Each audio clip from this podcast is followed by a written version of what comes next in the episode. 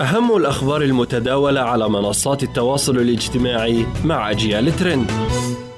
أهلا وسهلا بكم مستمعي ومستمعات أجيال هذا أجيال ترند معكم حنان محبوبة. سقوط أربعة قتلى وثمانية وثلاثين جريحا في انفجار هز منطقة تقسيم وسط مدينة إسطنبول في تركيا من دون أن تتضح أسباب هذا الانفجار على الفور. حيث وقع في شارع الاستقلال السياحي الشهير في منطقة تقسيم وسمع له دوي قوي. ولم تتمكن السلطات من معرفة سبب الانفجار على الفور.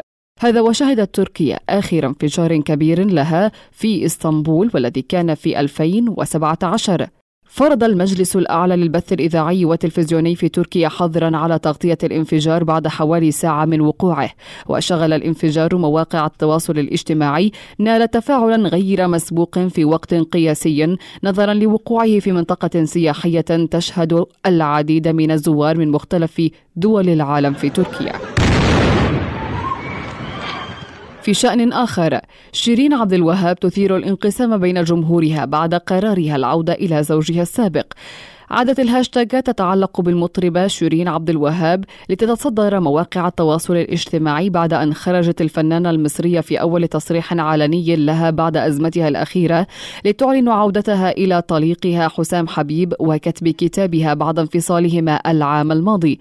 لكن وكما هو متوقع فقد كان هذا الإعلان بمثابة مفاجأة كبيرة لمتابعي النجمة المصرية التي شغلت الرأي العام في مصر وعدد من الدول العربية في الفترة الأخيرة.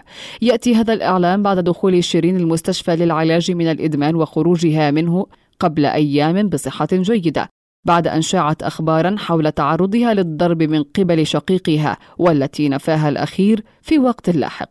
المزيد من التفاصيل في أجيال الترند الحلقة القادمة. إلى اللقاء.